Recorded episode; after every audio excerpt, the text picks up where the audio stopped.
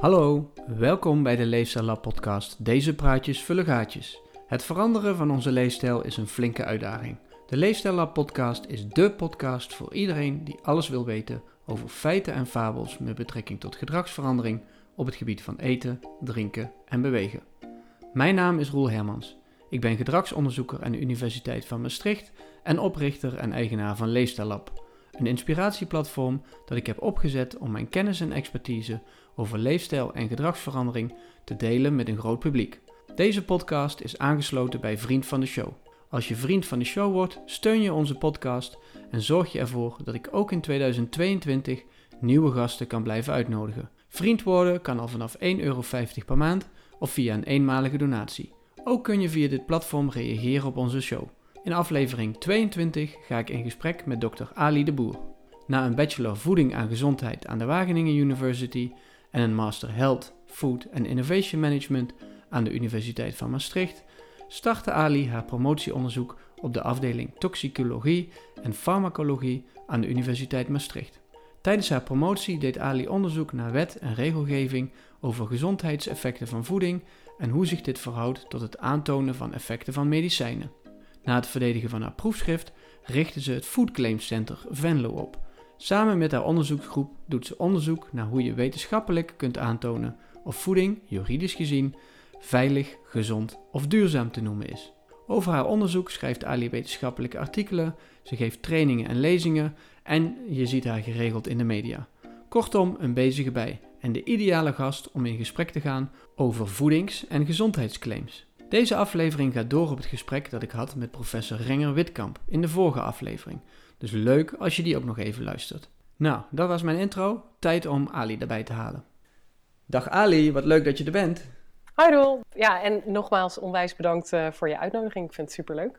Ja, top. Uh, ik heb super veel zin om met jou in gesprek te gaan.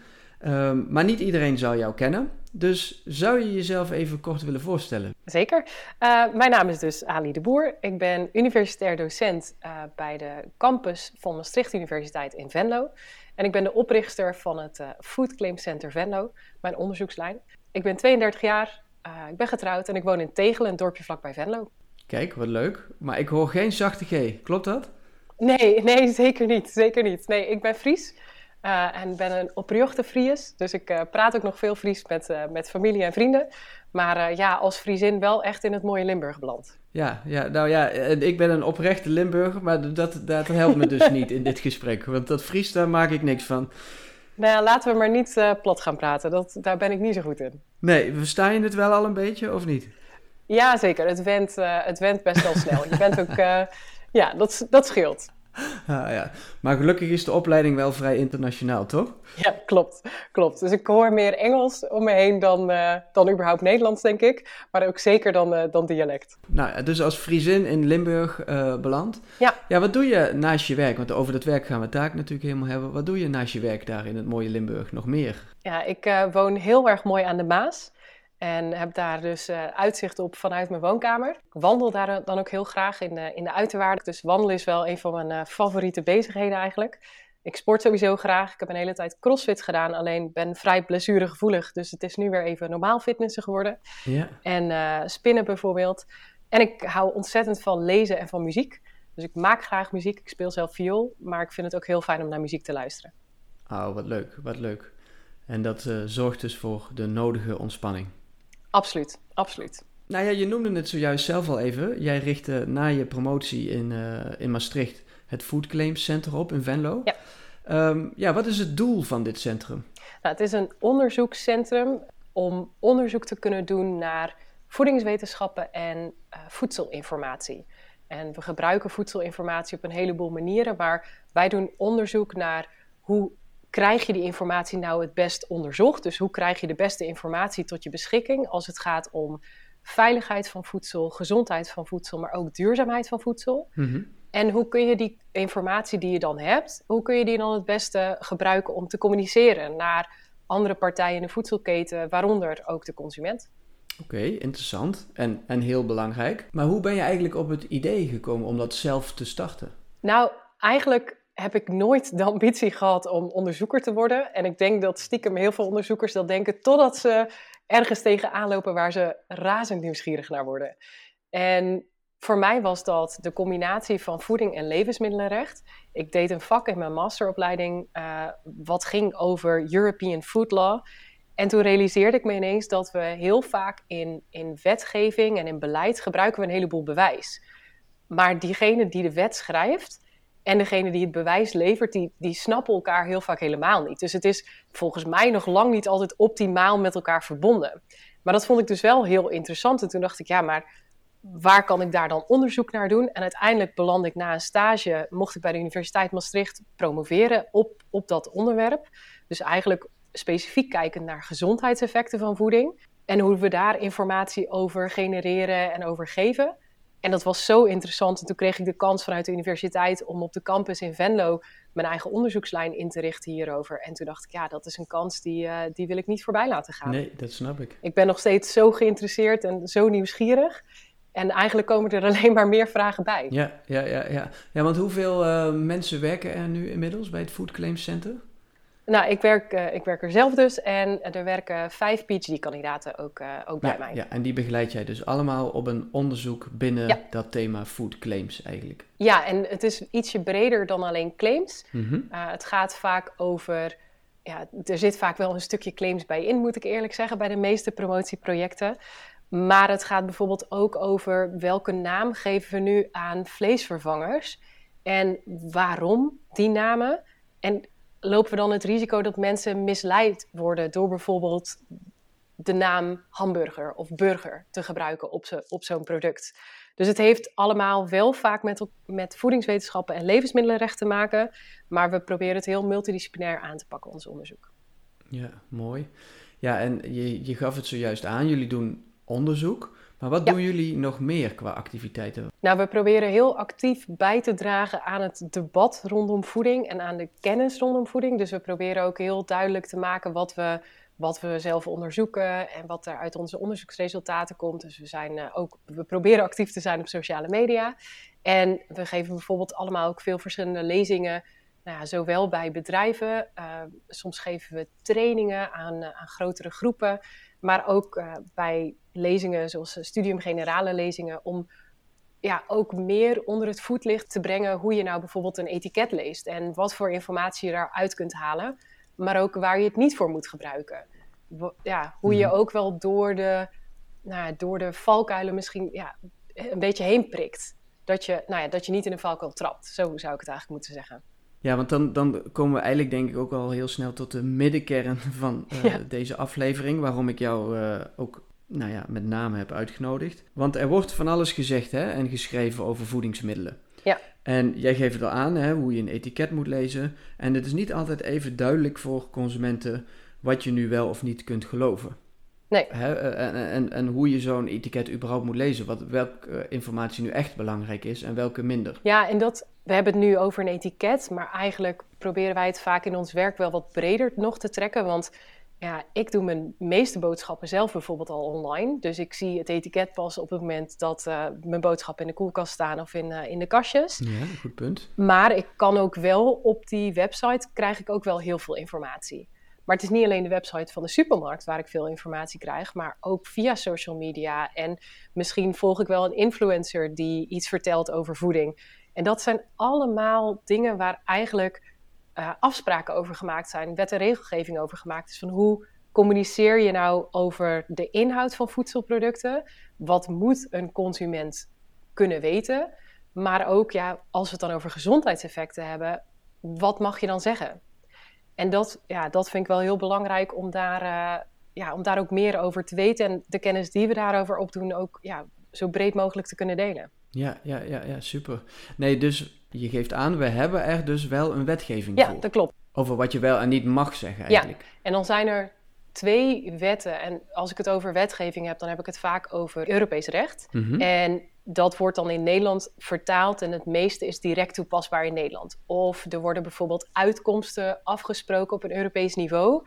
En ieder land regelt dan zelf een wet om bij die uitkomst te komen. Dus als je bindende afspraken over iets maakt. De twee wetten waar ik het over wil hebben zijn in ieder land precies hetzelfde, in alle Europese lidstaten. Mhm. En allereerst is er een wet die gaat over voedselinformatie. Dus wat moet er op een etiket staan? Ehm, wat moet er bijvoorbeeld ook in een, eh, in een kantine bij een voedingsproduct staan? Als ik allergisch ben, hoe kan ik er dan, nou, hoe kan ik er dan achter komen of er allergenen in, mijn, in zo'n product zitten? Dat is allemaal in de wet voedselinformatie geregeld. En die wet gaat eigenlijk heel erg over alles wat er verplicht op een etiket moet. En er is een andere wet belangrijk op het moment dat je wat vrijwillige communicatie wil doen over met name gezondheidseffecten van producten. En dat is de zogenaamde Voedings- en Gezondheidsclaimsverordening. Mhm. En in die Voedings- en Gezondheidsclaimsverordening, ja, de naam zegt het eigenlijk al, gaat over voedingsclaims en over gezondheidsclaims. En voedingsclaims zijn claims en beweringen. En of dat nou een tekst op een etiket is of een plaatje, dat maakt eigenlijk niet uit. Maar het gaat over allerlei beweringen over wat er in een product zit. Dus of er veel vitamine C in zit, of het eiwitrijk is of laag in vet. En de gezondheidsclaim gaat eigenlijk een stapje verder. En die zegt dus dat een ingrediënt, of een ingrediënt dat er juist niet in zit, dat dat het product gezonder maakt. Mhm. Dus dat bijvoorbeeld die vitamine C in een product je weerstand ondersteunt. Dat is een gezondheidsclaim. Als ik nu op zo'n pak zie staan vezelrijk of light of rijk aan omega-3 vetzuren, Ja. dan heb ik te maken met een voedingsclaim, toch? Absoluut, ja, want dat gaat echt over de stof die in dat product zit. Ja, en een gezondheidsclaim is dus als ik zie vitamine C ondersteunt eh, de afweer van je lichaam, zo'n ding. Ja, absoluut. Daar zie je dus het verschil dat er een stofje genoemd wordt, een voedingsstof genoemd wordt, of waar jou al wat meer verteld wordt over wat dat stofje dan in jouw lijf doet. Dat is eigenlijk het verschil. Waarom hebben we nou eigenlijk precies die wetgeving? Nou, die wetgeving is er in eerste instantie om consumenten te beschermen. Mhm. Wat je in nou, eigenlijk de jaren 80, of sinds de jaren 80, zijn een heleboel voedingsmiddelenbedrijven begonnen met het maken van functional foods. Dus voedingsmiddelen die bewerkt zijn om ze gezonder te maken. En dan is het of door uh, voedingsstoffen toe te voegen, dus meer vezels toe te voegen bijvoorbeeld, of om er bijvoorbeeld uh, vet of suiker uit te halen. Mhm. Maar dat hele productieproces, ja, als jij investeert in het, het nou ja, herformuleren van jouw product, wil je dat ook graag laten zien. Dus als ik voor, voor een supermarktschap sta, dan wil ik wel, ja, dan wil, wil ik als producent, wil ik dat die consument kan zien dat mijn product net iets gezonder is. Nou, daarvoor gingen heel veel bedrijven gingen claims gebruiken. Mhm. En op een gegeven moment werd dat een beetje een wildgroei van claims. En in Europa werd daar heel verschillend op gereageerd. Dus in sommige landen mocht je absoluut geen claims maken.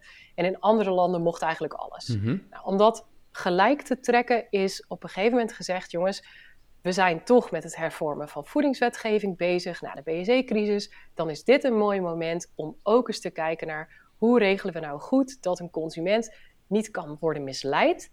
door een valse claim of een claim die, die veel meer belooft... dan eigenlijk zo'n product eigenlijk waar kan maken...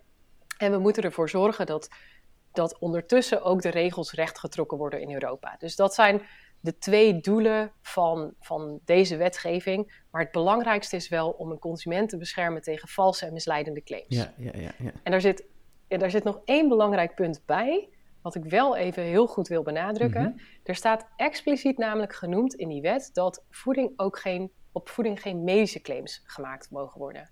Want op het moment dat jij zegt dat je kunt genezen van een bepaalde ziekte met een voedingsproduct, word je voor de wet direct gezien als een medicijn. ja. En dat is echt een, voor, de, voor de wet een super belangrijk onderscheid.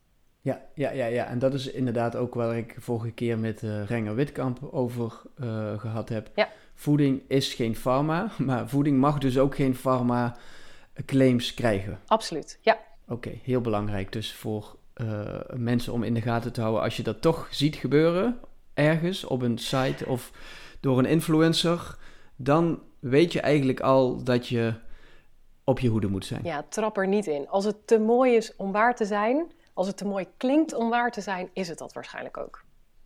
Ja, ja. ja, en daar hebben we volgens mij wel een goede te pakken nu. Want dan komen we ook al snel in het gebied van marketing Ja, terecht. Hè? Absoluut. Dus je kunt, wat jij net zei, een producent wil natuurlijk zijn product verkopen. Ja. En wil dus naar de klant, de consument, heel positief zijn over dat product. En het ook uitlichten ten opzichte van concurrenten. Nou, daar kun je dus specifieke marketing voor inzetten.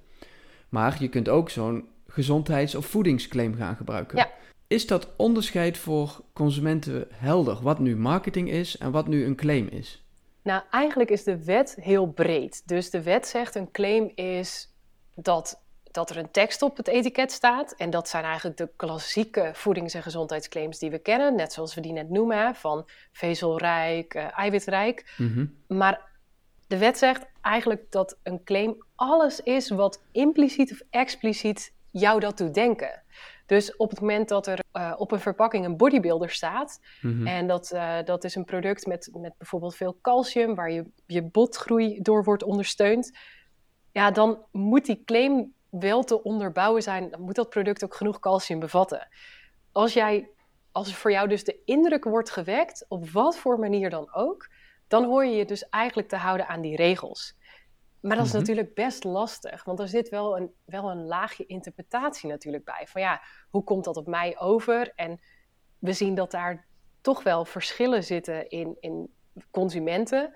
En de een is misschien wat meer bezig met gezondheid en die is daar misschien dus wel wat gevoeliger voor, terwijl het een ander helemaal niet zo aanspreekt. Dus dat maakt het best lastig. Voor de wet is het een theorie. Al die, al die marketing die over gezondheid en gezondheidseffecten gaat, wordt gezien als een claim. Maar in de praktijk is dat best wel, uh, best wel een tikkeltje lastiger. Is het niet zo zwart-wit? Ja, ja, ja. Dus, maar je kunt dus de voedingsclaim vezelrijk hebben of light. En dan moet je product dan voldoen aan een aantal voorwaarden. Ja, absoluut. Ja. Om het vezelrijk of light te noemen. Maar hoe zit dat dan precies? Ja, om vezelrijk genoemd te worden, moet jouw product een bepaalde hoeveelheid vezels minimaal hebben in een, een dagelijkse portie. Dat komt vanuit de gedachte dat jij, op, als je dat op zo'n product zet, dan moet, ik er ook, dan moet het ook inderdaad een gezondheidseffect hebben. Mhm. Dus op het moment dat we, dat we er genoeg vezels in hebben zitten, of ja, normaal gesproken bij bijvoorbeeld uh, vitamine en mineralen zouden we dan zeggen minstens 30% van de algemene dagelijkse uh, aanbeveling Mhm. uh, moet er dan in je product zitten. Bij vezels hebben we geen aanbevolen dagelijkse hoeveelheid, maar dan praten we over een aantal grammen per 100 gram, die er in een portiegrootte eigenlijk moeten zitten. Dus daar kan je dan op vertrouwen voor vezels? Ja, precies. En dat staat ook altijd nog uitgelegd. Want je ziet vaak zo'n claim op de voorkant van een verpakking staan. nou, Mhm. dat is natuurlijk ook het eerste wat je ziet. Dus daar word je waarschijnlijk door aangetrokken. Maar als je dan de verpakking omdraait, dan zie je de voedingswaardetabel staan. Mhm. Dat is een van die dingen die verplicht is, volgens die andere wet, om erop te vermelden. Maar op het moment dat ik iets ga vertellen over hoeveel vezels erin zitten, dan moet jij aan, op het moment dat je dat koopt, moet je ook kunnen lezen hoeveel dat er dan precies zijn. Dus in die voedingswaardetabel zie je dan ook staan hoeveel er van, dat, van het stofje waar een claim op zit, hoeveel daarvan in zit. Ja. Dus dat staat dan ook uitgelegd van nou, is dit bijvoorbeeld voor vitamine C 30% van die aanbevolen dagelijkse hoeveelheid, dan staat dat erbij. En bij vezel staat dus het aantal grammen. Ja, ja. Oké, en dan hebben we nog zo eentje, light. Ja, Dat staat ook op producten. En gaat het dan ook over die 30%? Alleen dan minder vet of zo? Of hoe zit dat? ja, en dat is best een lastige. Ja. Want het gaat wel over 30%, Oké, maar het kan 30% vet minder zijn. oké. Het kan ook 30% minder koolhydraten zijn. En het kan ook 30% minder eh, energie zijn, dus minder calorieën. Alleen, het hoeft niet en, en, en. Dus het kan best zijn dat je light chips ziet staan. Ja, En als je dan kijkt naar die voedingswaardeinformatie, die voedingswaardetabel die op de achterkant van de verpakking staat, mhm. dan zie je misschien dat er keurig netjes 30% vet uit is gehaald. ja. Maar dat er wel wat anders voor is toegevoegd. En heel vaak zien we dat, zeker bij, eh, bij bijvoorbeeld die light chips, zien we vaak dat er koolhydraten worden toegevoegd. Want uiteindelijk wil je wel eenzelfde plezierige smaak hebben, een plezierig mondgevoel van chips. Want ja, anders dan zit je iets te eten wat helemaal niet lekker is. Nou, dat gaat natuurlijk nooit goed verkopen. Dus we zien dat daar, nou ja, misbruik van gemaakt wordt, is, is een groot woord. Maar je moet daar wel goed bij oppassen. Dat je dan eens misschien een keer een vergelijking maakt met een gewone zak chips. En kijkt hoeveel het nou echt uitmaakt in nou, uiteindelijk calorieën. En of er misschien wel wat koolhydraten zijn toegevoegd. Ja, precies, want dat wilde ik inderdaad zeggen. Dus die claim aan zich light dat zegt niet zoveel. Ja, je kan op de achterkant kijken, Ja. maar dan zie je die voedingswaardetabel en dan zie je allerlei cijfertjes. Ja. Maar om het dan op waarde te kunnen schatten, moet je eigenlijk vergelijken met een ander product waar niet light op staat. Ja. en dan kan je eigenlijk een beetje zien, oké, zit hier dan nu minder energie in, minder vet in of minder koolhydraten in? En dat, Of gaat het ergens anders dan omhoog? precies, en dat is zeker voor een claim als light, dat noemen we een zogenaamde vergelijkende voedingsclaim. Die gaat dus over het vergelijken van producten die heel veel op elkaar lijken of die in dezelfde categorie zitten. Dus je kunt light chips natuurlijk niet, ver- ja, je kunt chips niet vergelijken met aardappelen of zo. Nee. Dus je moet het binnen de productcategorie houden. Maar bijvoorbeeld bij frisdranken zien we dan weer dat light heel vaak echt eh, bijna geen of zelfs helemaal geen energie meer bevat, omdat er heel veel suiker is uitgehaald en dat vaak niet gecompenseerd wordt met een andere macronutriënt, Mhm, mhm. maar met bijvoorbeeld zoetstoffen. Nu je het zo zegt, zie ik meteen het verschil voor me, ja. Ja, als ik naar het etiket kijk. Ja, precies. En dan eigenlijk nog de laatste, ehm, suikervrij. Dat is ook zo'n ding, hè, wat je veel terugziet. Ja. Betekent dan dat er geen toegevoegd suiker in zit of helemaal geen suiker? Hoe, wat is daar nu de, de kern? Ja, dat, daar zeg je iets goed. Dat is, dat is best een lastige. Uiteindelijk mag een product suikervrij genoemd worden als het een eh, suikergehalte heeft van maximaal een halve gram per 100 gram of een halve gram per 100 milliliter. Mhm. Dus het, het is bijna volledig suikervrij. Ehm, maar het is inderdaad eh, eh, heel erg lastig dat je het vaak niet hebt over producten die, eh, waar normaal gesproken al, eh, al suiker in zit. Dus dan hebben we het vooral over producten als, waar we normaal gesproken al suiker in zien. Dus fruit en, en fruitsapjes of zo. Je zult op, op de meeste producten waar logisch gezien suiker in zit, al geen term meer suikervrij zien. Omdat het door logisch nadenken, ja, kun je dat bijna niet hard maken. Maar Mhm. je zult bijna altijd zien dat het vrij is van toegevoegde suikers. Dus je moet heel goed op de formulering letten.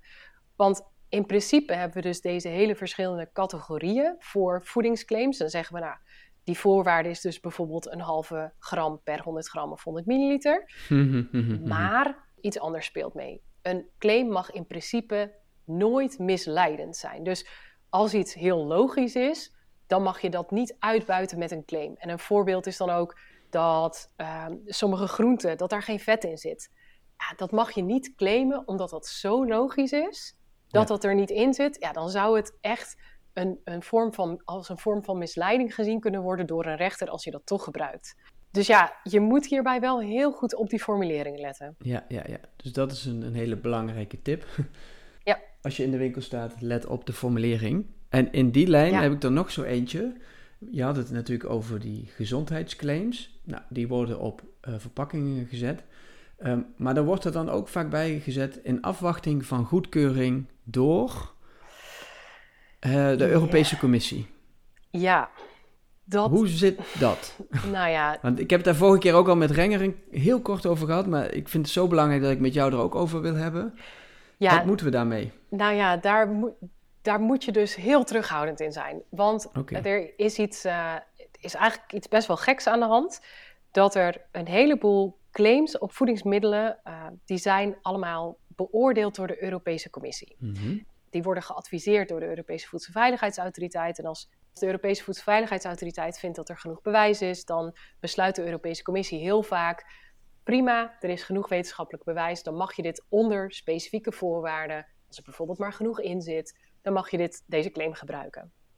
Alleen er is één categorie, en een vrij grote categorie van producten, die niet zo goed is gecontroleerd.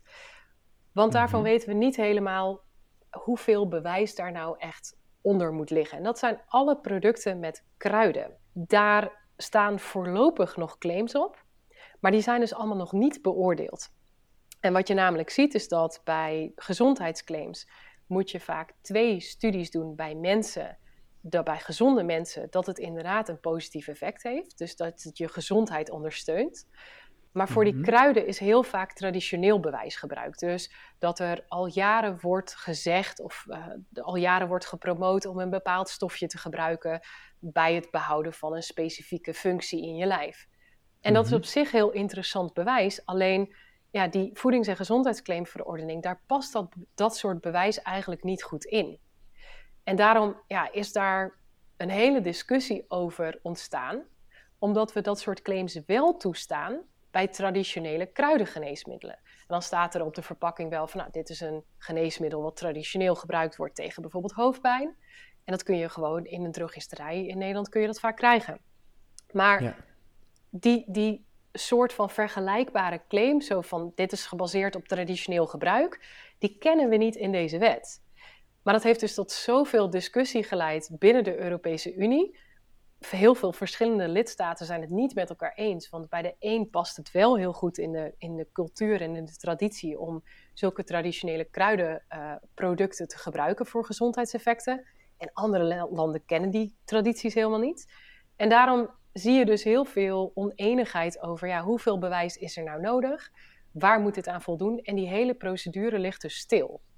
Nou, omdat we het hebben over een procedure die al meer dan tien jaar stil ligt, is nu in Nederland gezegd: oké, voor de claims die dan in ieder geval al liggen te wachten bij de Europese Commissie, die mag je voorlopig nou, met die disclaimer dan gebruiken. Dus dan moet erop staan dat de, ja, dat de claim in afwachting is van goedkeuring. Alleen ja, dat, ik vind dat zelf een vrij sterke formulering. Want afwachting van goedkeuring, dan kan het net zijn alsof alleen de laatste handtekening nog gezet moet worden. Ja, precies, precies. Maar we weten helemaal niet hoe het bewijs, ja, wat voor bewijs eronder ligt. Dus het is gewoon nog niet gecheckt op, op ja, wetenschappelijke standaarden eigenlijk. Dus dat maakt het wel heel lastig. Ja, en ik hoorde je net zeggen dat is zo in ieder geval voor producten die er al waren. Ja. Maar het betekent niet dus als ik nu een, een een of ander kruidensupplement ga maken, dan mag ik het niet meer erop zetten. Nee, tenzij, nou ja, ik zeg nee, en, maar er zit nog wel een maar achter. Mm. Op het moment dat jij een, een kruid gebruikt waar al een claim nou, op zit die in die database staat van we wachten nog op, op hoe hierop gereageerd wordt, dan mag je die voorlopig wel gebruiken. Oh ja. Maar inderdaad, als je een nieuw kruid gaat gebruiken of een nieuwe combinatie, of je gaat er een nieuw effect aan, aan hangen, dat mag allemaal niet. Oké, nou goed om te weten. En uh, ik, heb, ik heb geen ambities om een product te gaan maken. Nee, dus, uh, niet? nee, nee, dus wat dat betreft... Je weet het hoor. Nee, nee. Hey, um, we hebben een aantal dingen besproken en we kunnen het ook natuurlijk de andere kant opdraaien en zeggen van hey, die claim zou je kunnen inzetten om gezond gedrag te stimuleren en of innovatie te bevorderen. Ja. Is dat ook iets waar jij met het Food Claims Center mee bezig bent? Om te kijken van, hey, werkt dat nu ook op die manier? Ja, we proberen vooral ook uh, te kijken naar wat is inderdaad het effect van zo'n, van zo'n wet nu. Hè? Want idealiter zou dit dus leiden tot consumentenbescherming. Maar de Europese Commissie heeft ook altijd met iedere wetgeving die ze, zeker op voedingsgebied ook nemen, proberen ze wel ook te zorgen dat bedrijven kunnen blijven innoveren. Dat geldt in dit geval ook. Dus je zou eigenlijk beloond moeten worden met een claim op het moment dat jij je bewijs goed op orde hebt. Dus dat jij uh, tijd en geld gestoken hebt in het nou, innoveren van je producten. Zeker als dat ons als uh, burgers van de Europese Unie ook gezonder kan maken. Mhm. Maar, nou ja, allereerst moet iedereen in de supermarkt natuurlijk goed begrijpen waar zo'n claim dan voor staat. En de claims die zijn goedgekeurd, die zijn vaak best wel technisch. Dus je hoorde men eigenlijk door deze hele aflevering heen ook al een paar keer zeggen dat het gaat over het behoud van een functie, over het ondersteunen van een lichaamsfunctie ja, dat, dat is natuurlijk niet altijd super aantrekkelijk om dat in een, in een marketingstrategie te gebruiken. Dus die formulering, ja, die beperkt soms bedrijven nog wel een beetje om dat goed onder het voetlicht te brengen. Mm En we zien dat het, het is best wel een lang traject om een nieuwe claim ja, goedgekeurd te krijgen. Dus dat kost veel tijd en geld. En daardoor zie je dat sommige bedrijven wel een klein beetje terughoudend zijn. En dat, ja, terwijl we aan de andere kant dus wel weten dat zeker bepaalde doelgroepen die claims wel echt zien als een bron van informatie. En dat geldt niet voor iedereen, maar we zien zeker dat mensen bijvoorbeeld die uh, familiaire aanleg hebt voor een bepaalde ziekte of op een andere manier in aanraking bent gekomen met mensen die, die aan een bepaalde ziekte lijden, dat je dan vaak gevoeliger bent voor het, het blijven behouden van je gezondheid. En een, een, persoonlijk voorbeeldje is bijvoorbeeld dat veel mensen in mijn familie hebben hart- en vaatziekten.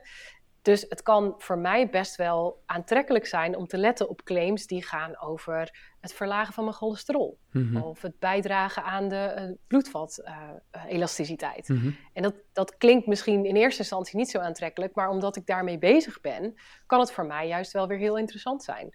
Dus we zien daar een beetje verschillende ja, segmenten eigenlijk in consumenten.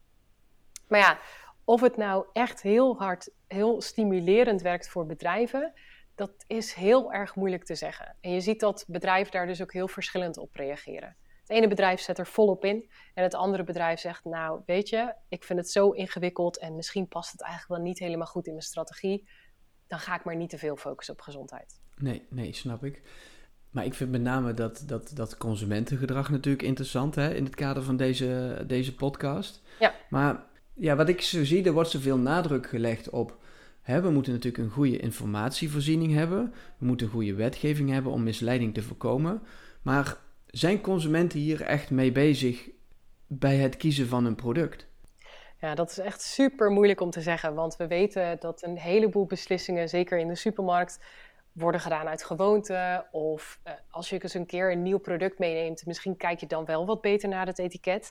Mm. En we weten dat en dat weet jij denk ik nog veel beter dan ik, dat informatie lang niet altijd leidt tot, tot ander gedrag. Dus misschien kun je wel horen dat iets gezond voor je is, maar of dat je keuze en je gedrag dan uiteindelijk beïnvloedt, ja, dat is maar de vraag. Mhm.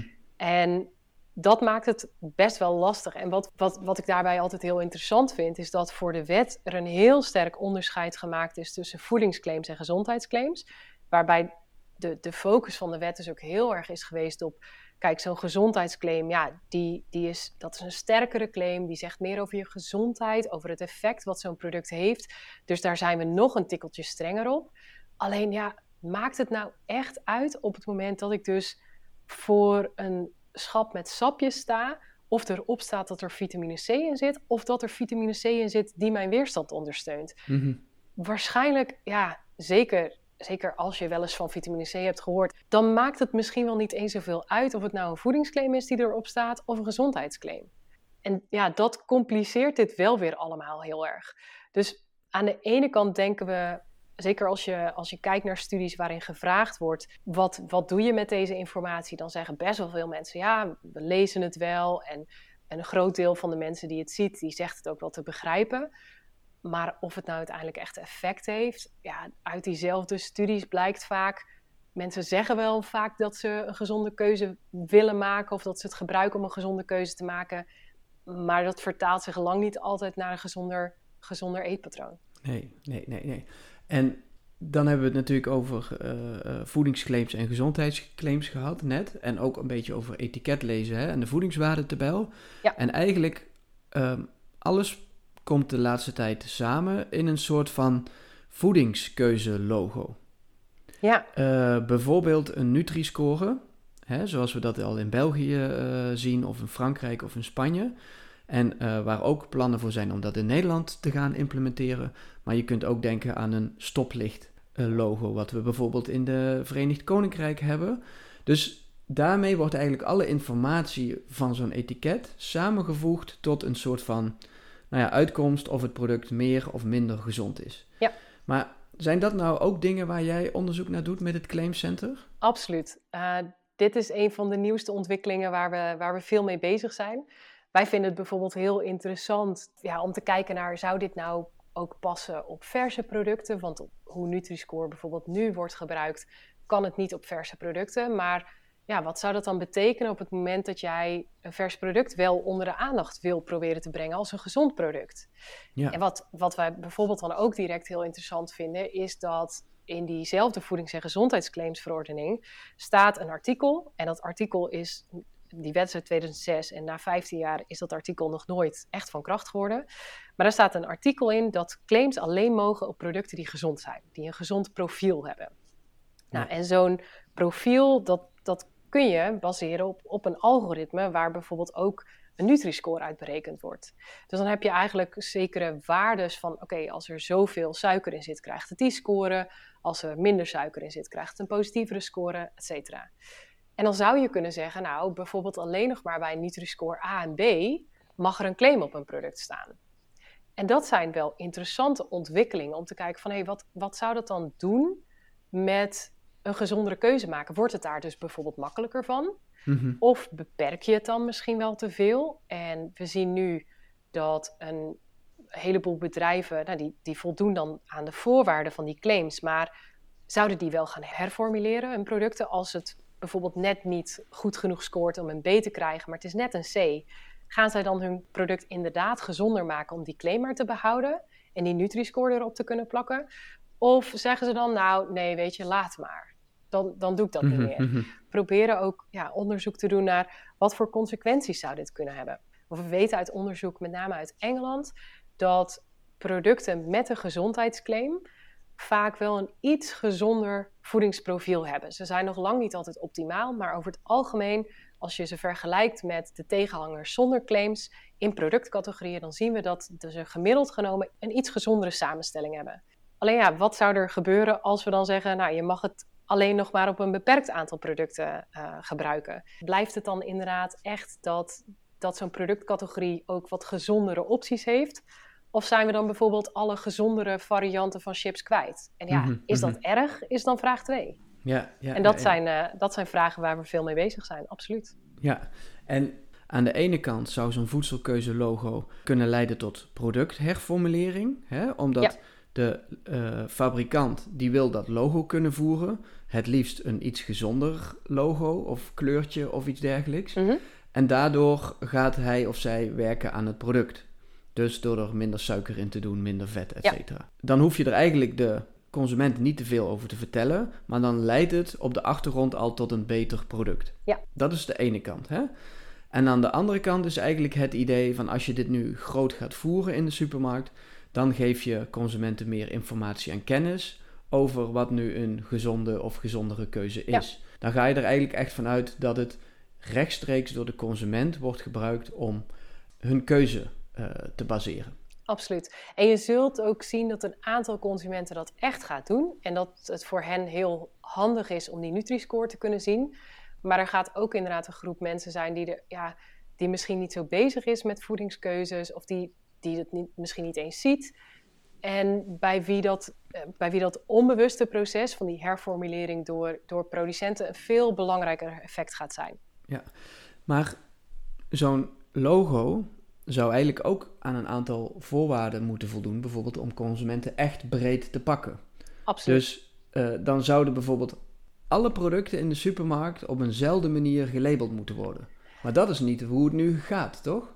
Nee, en dat is, ook, dat is dus ook een hele interessante discussie. Die wordt ook heel erg Europees gevoerd. Want in heel Europa wil je eigenlijk ook niet dat er heel veel verschillen zitten tussen producten die je tegenkomt. Want als ik vijf kilometer verder rij, dan sta ik in Duitsland. En het zou een beetje vreemd zijn als ik daar een ander logo zou zien. Maar inderdaad, ook al in die supermarkt zelf, je wil eigenlijk dat het een echt eerlijk vergelijkingsmiddel is. En er zijn op dit moment best wel veel discussies gaande tussen experts rondom met name ook die, uh, die, die modelleringen van oké, wat is dat algoritme nou en wat zit daar dan precies in?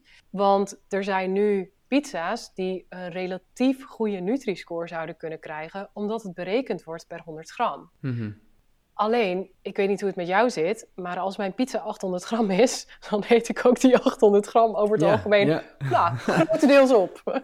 ja, precies. Ja. En dat, dat soort dingen maakt het best wel lastig. En er, er zijn best wel wat ontwikkelingen geweest in die, in die voedselkeuzelogo's. We kennen in Nederland hebben we het vinkje een tijd gehad. De Scandinavische landen wordt gebruik gemaakt van het zogenaamde uh, sleutelgat, het keyhole logo. Ja, ja. En die, die zijn allemaal net weer op andere principes gebaseerd. En ik hoop dat, dat we langzaam als voedingswetenschappers, maar eigenlijk als hele samenleving, beste kunnen halen uit al die verschillende logo's om uiteindelijk tot een optimale samenstelling te komen. En dan, dan moet je dus inderdaad vragen gaan stellen van, is het een vergelijking binnen productcategorieën? Is het een vergelijking op 100 gram of op een portie? Of ja, wat, wat is het allerbeste? En ik, ik denk niet dat we nu al bij de optimale logo zijn. Ik denk dat er nog wel wat uh, sleutelwerk aan ja, vooraf ja, gaat. Ja, ja. ja, want voor de mensen die Nutri-Score nog niet kennen, Nutri-Score is eigenlijk een, een front-of-pack logo. Dus het staat op de voorkant van het product. Ja. En het maakt gebruik van kleuren en eh, letters. En eh, het varieert van A tot en met E en van groen tot en met rood. En je krijgt dan eigenlijk een groene A en een rode E. En als je dus een beetje kunt lezen en niet kleurenblind bent, dan, dan, dan gaat dat logo ervan uit dat je de associatie maakt van oké, A is het gezondst, want dat is uh, het eerste letter in het alfabet en heeft groen. En E komt later en is rood, dus is minder gezond. Ja. Daar is het een beetje op gebaseerd, hè? Ja, absoluut. Maar wat je zegt, er moet nog aan gesleuteld worden. Want wat, wat ik dan heel raar en opmerkelijk vind, is dat sommige producten krijgen uh, het Nutri-Score logo en het andere niet. Ja. Dus wat weet ik nu als consument? Waarom staat op dat andere uh, product geen logo? Is dat omdat het ongezond is? Of dat ze niet meedoen? Wat moet ik daarmee? Daar stip je een super belangrijk punt aan. Op dit moment is het vrijwillig. Ja. En bij Nutri-Score is het wel zo. Als, als ik het voor één van mijn producten wil gebruiken als producent, dan moet ik het over al mijn producten gaan toepassen. Dus ik mag niet zeggen, oh, mijn allergezondste product, daar ga ik een Nutri-score op gebruiken en de rest doe ik, laat ik even zitten. Ja, want daar krijg ik die aatjes. Ja, ja. precies. Dat mag niet. Dat is een hele duidelijke uh, regel bij het gebruik van Nutri-score. Maar inderdaad, lang niet alle bedrijven doen nog mee. Dus het, het zegt misschien nog niet heel erg veel dat het er niet op staat. Maar dat maakt het dus wel heel erg ingewikkeld. En op dit moment zijn er dus ook discussies op Europees niveau bezig van nou, hoe moeten we dit nu oplossen? Moet het verplicht worden? Moet het uh, vrijwillig blijven? Als het verplicht wordt, moeten we dan één logo door de hele Europese Unie gaan uh, verplichten? Hoe, en, en wat voor, nou ja, niet per se wat voor algoritme, maar wat voor zaken moeten we rekening houden met, met de invoering dan? Dus er worden een, een heleboel gesprekken gevoerd tussen experts en ook als consument kun je daarop reageren. Kun je je zienswijze indienen eigenlijk bij de Europese Commissie van nou, hoe moeten we nu verder? Mm -hmm. Want dat er iets moet gebeuren, dat is wel duidelijk. Ja, want, want we hebben het natuurlijk ook een klein beetje over misleiding, bewust of onbewust. Ja. Maar ook hoe consumenten uh, zelf uh, associaties hebben hè, met voeding en gezondheid. Nou, we weten dat dat natuurlijk enorm sterk is. Waar ik wel benieuwd naar ben, uh, kun je goed aan mensen uitleggen dat een olijfolie een C heeft, terwijl een pizza een B kan hebben. Hoe, ja, hoe gaan mensen dit begrijpen? Ja, uh, dat vraag ik me dus ook Want af. op zich is het natuurlijk logisch dat je kunt zeggen: nee, je moet alleen het logo gebruiken om te vergelijken binnen een bepaalde categorie. Dus Ja. alleen dan de olijfolies met elkaar vergelijken, bij wijze van.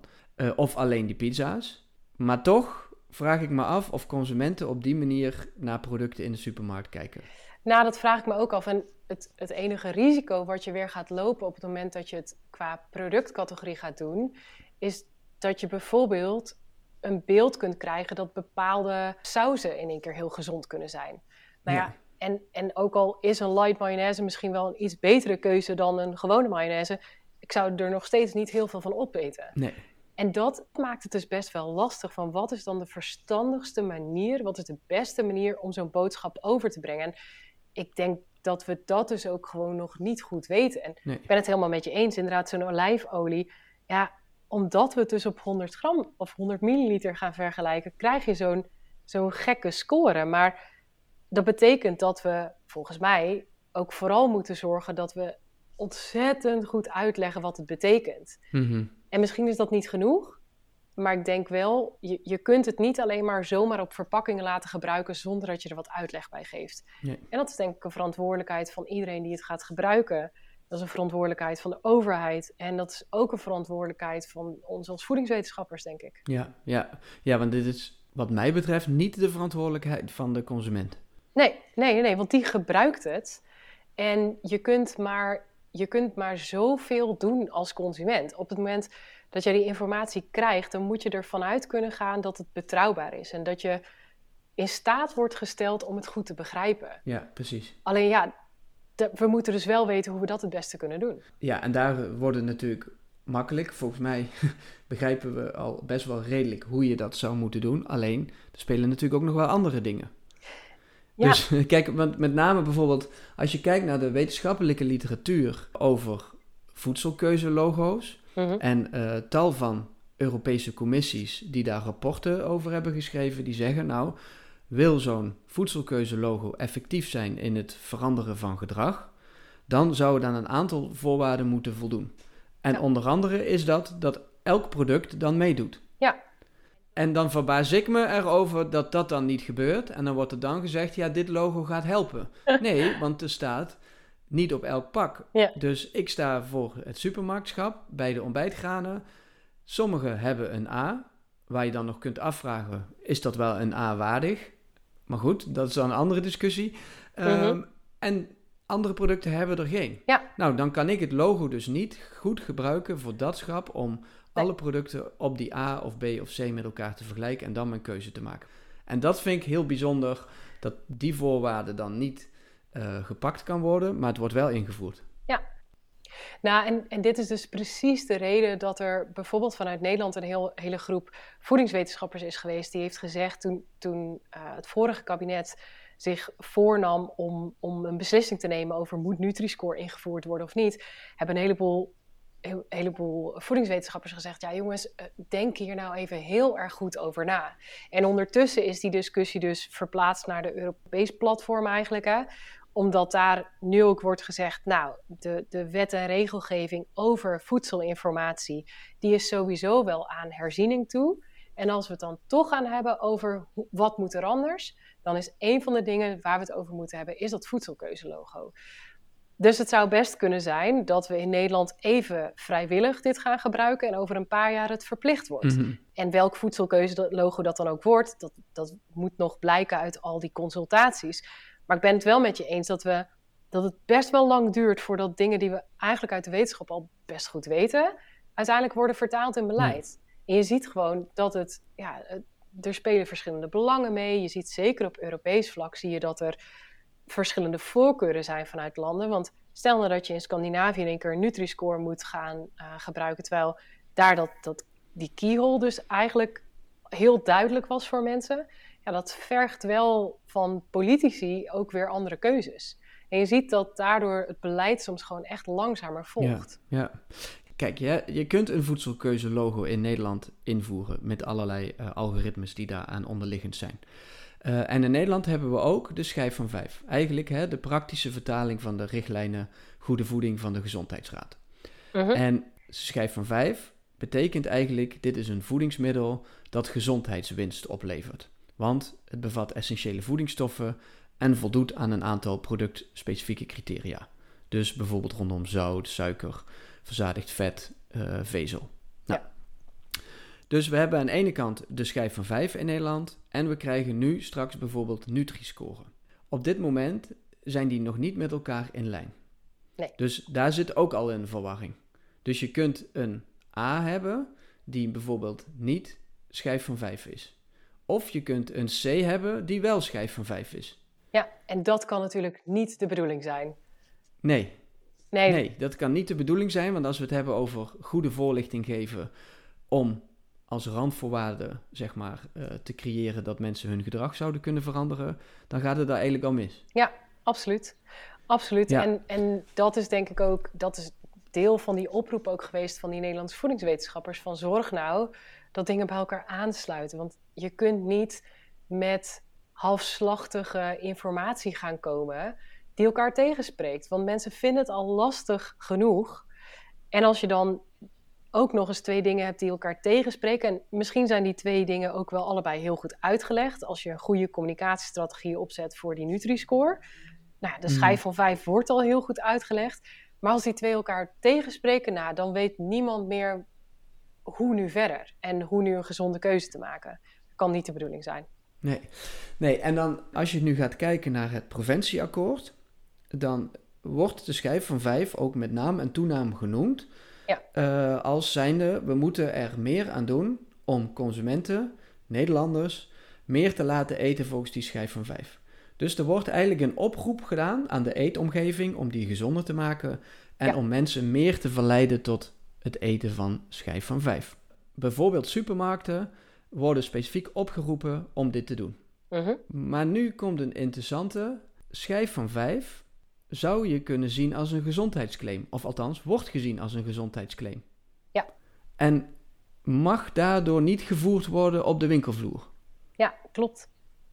Kun je dat uitleggen hoe dat zit?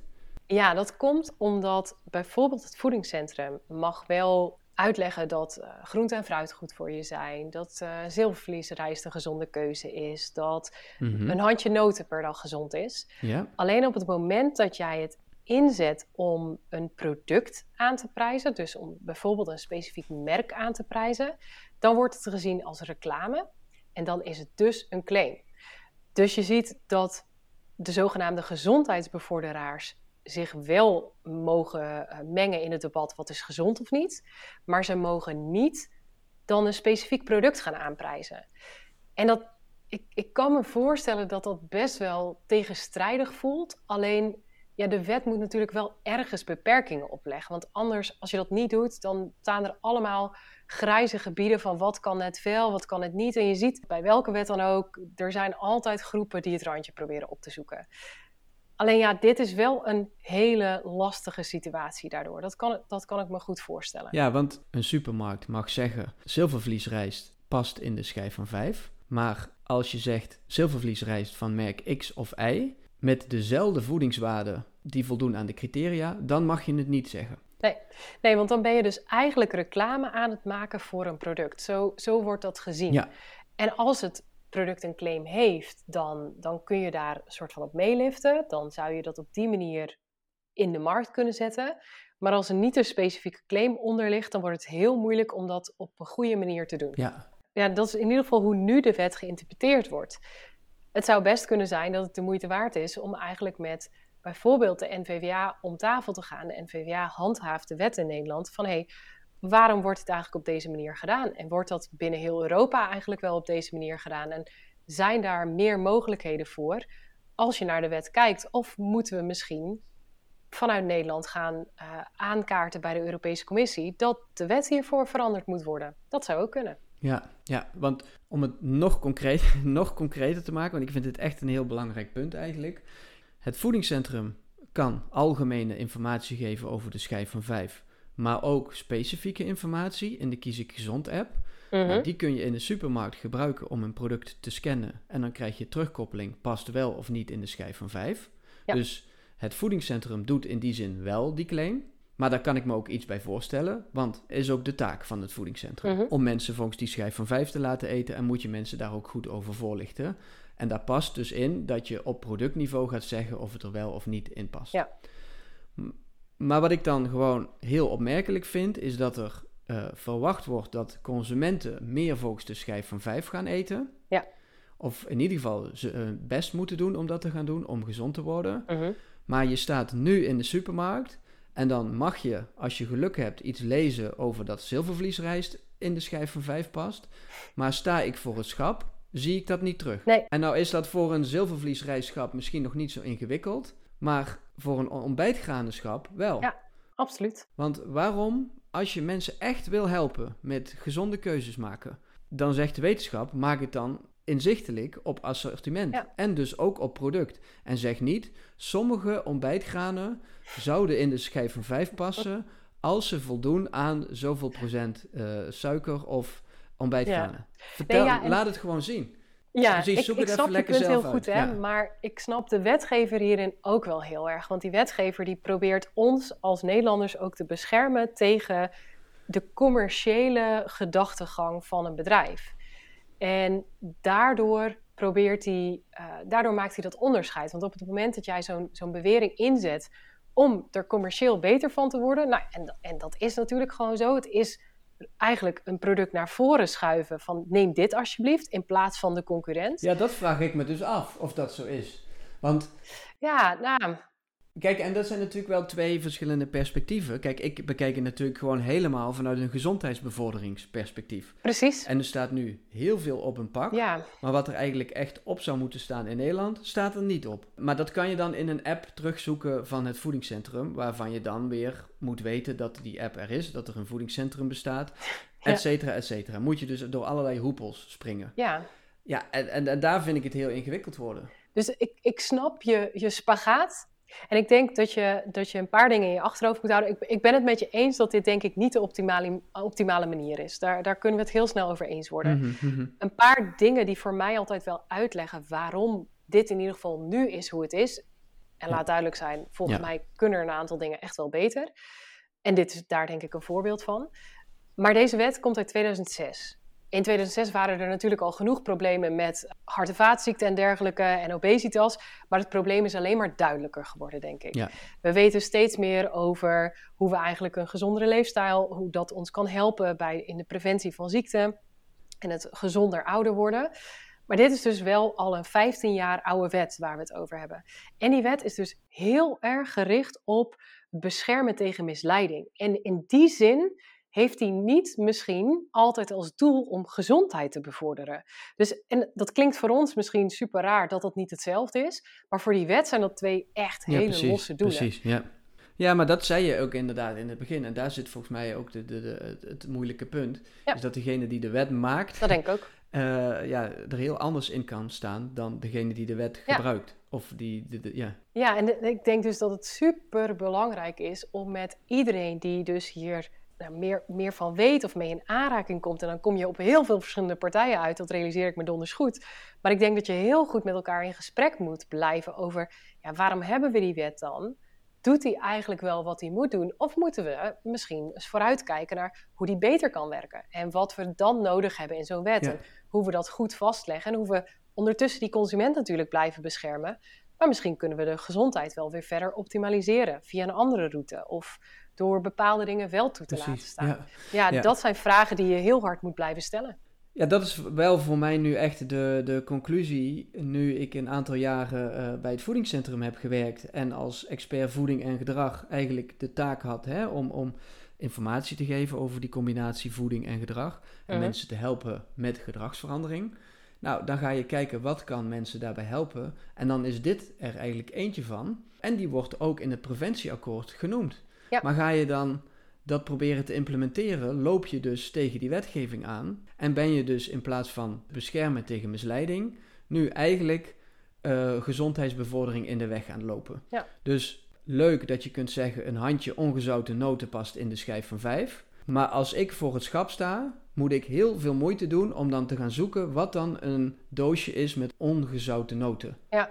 En dan zou het mij, volgens mij en heel veel andere Nederlanders, als je al gericht bent op dat etiket of op dat logo, kunnen helpen van oké, dit is gewoon schijf van 5, punt. Ja, nou en in die zin kan dus een Nutri-score wel een stap daarin maken.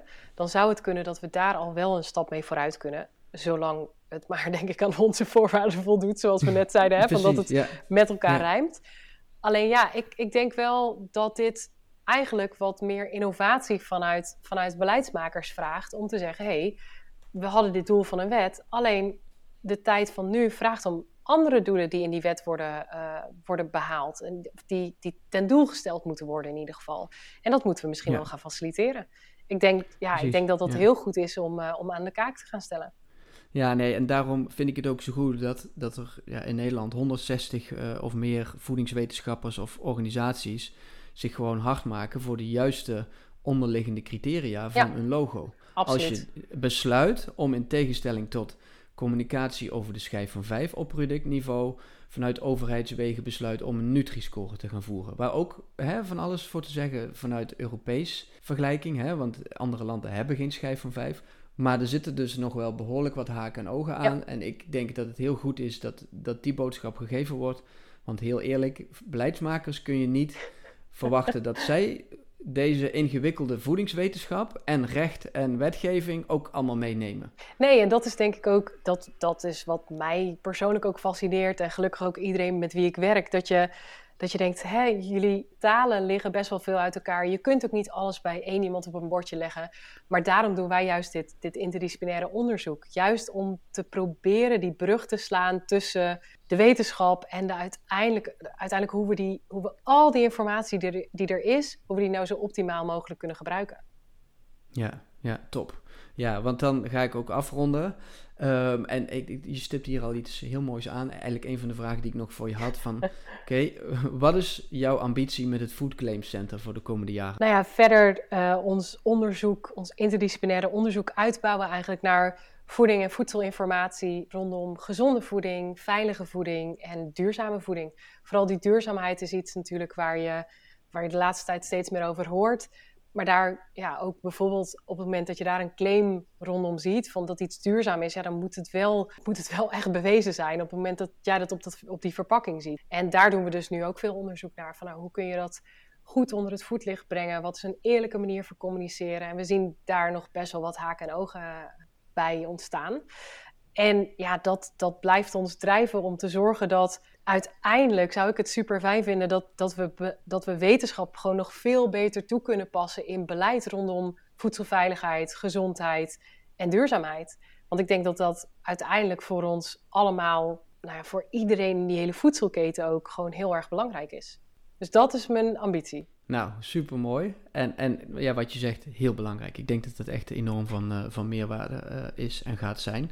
Nou ja, mocht je nu als luisteraar daar van op de hoogte blijven, zou ik natuurlijk zeggen, volg dan ook Food Claims Center. Bijvoorbeeld op Instagram. Leuk. Uh, om op de hoogte te blijven van de, de meest recente inzichten hè, die jij opdoet daar. Absoluut, ja. Goed, nou, nu ga ik echt afsluiten. Uh, en dat doe ik altijd op uh, de standaard manier waarbij ik uh, mijn gasten vraag of zij voor de luisteraar tips hebben op het gebied van een gezonde leefstijl. Wat moet je wel of niet doen of hoe kun je ervoor zorgen dat je het beter volhoudt, zo'n leefstijlverandering? Dus ook aan jou de vraag, wat is jouw tip? Nou ja, eigenlijk is die tweeledig. Aan de ene kant vanuit waar we het vandaag de hele tijd over hebben gehad, is dat natuurlijk laat je niet te snel verleiden en kijk nou echt goed naar wat, wat er in zo'n product zit. En kijk nou of je die extra vitamine C uit die sinaasappelsap wel nodig hebt, of dat je gewoon aangetrokken wordt door de reclame. En misschien kun je beter mhm. een sinaasappel gaan eten in plaats van dat sinaasappelsapje drinken. En uiteindelijk brengt dat me bij mijn meer algemenere tip. Geniet met mate. Het klinkt super cliché en ik denk dat een heleboel voedingswetenschappers dit zullen vertellen en diëtisten en iedereen die met voeding bezig is. Maar uiteindelijk gaat het echt om een, een gebalanceerd dieet. Want ook alleen op die manier kun je het volgens mij volhouden. En dat gecombineerd natuurlijk met een gezonde leefstijl, genoeg bewegen, genoeg slapen. Maar ga je niet blind zitten staren op één product wat voor jou de heilige graal zou zijn. Want dat bestaat gewoon niet. Helemaal waar. En uh, ja, heel goed dat je dit nogmaals benadrukt, want het kan niet vaak genoeg gezegd worden volgens mij. Dat denk ik ook niet. Ja, jij enorm bedankt uh, voor jouw uh, expertise die je hebt ingebracht. Heel interessant om weer wat meer te leren over voedingsclaims, gezondheidsclaims en wetgeving. Je denkt misschien, is dat nu een onderwerp wat echt interessant is? Als je het zo hoort. Nou, je zult zien dat het dus op de winkelvloer, daar ga je het allemaal terugzien. Als jij je boodschappen doet. En dat is volgens mij wel echt heel belangrijk op weg naar een gezonde leefstijl. En dat heb jij ook in je eerste tip heel duidelijk gemaakt, volgens mij. Graag gedaan. Super, dankjewel voor, uh, voor jouw aanwezigheid.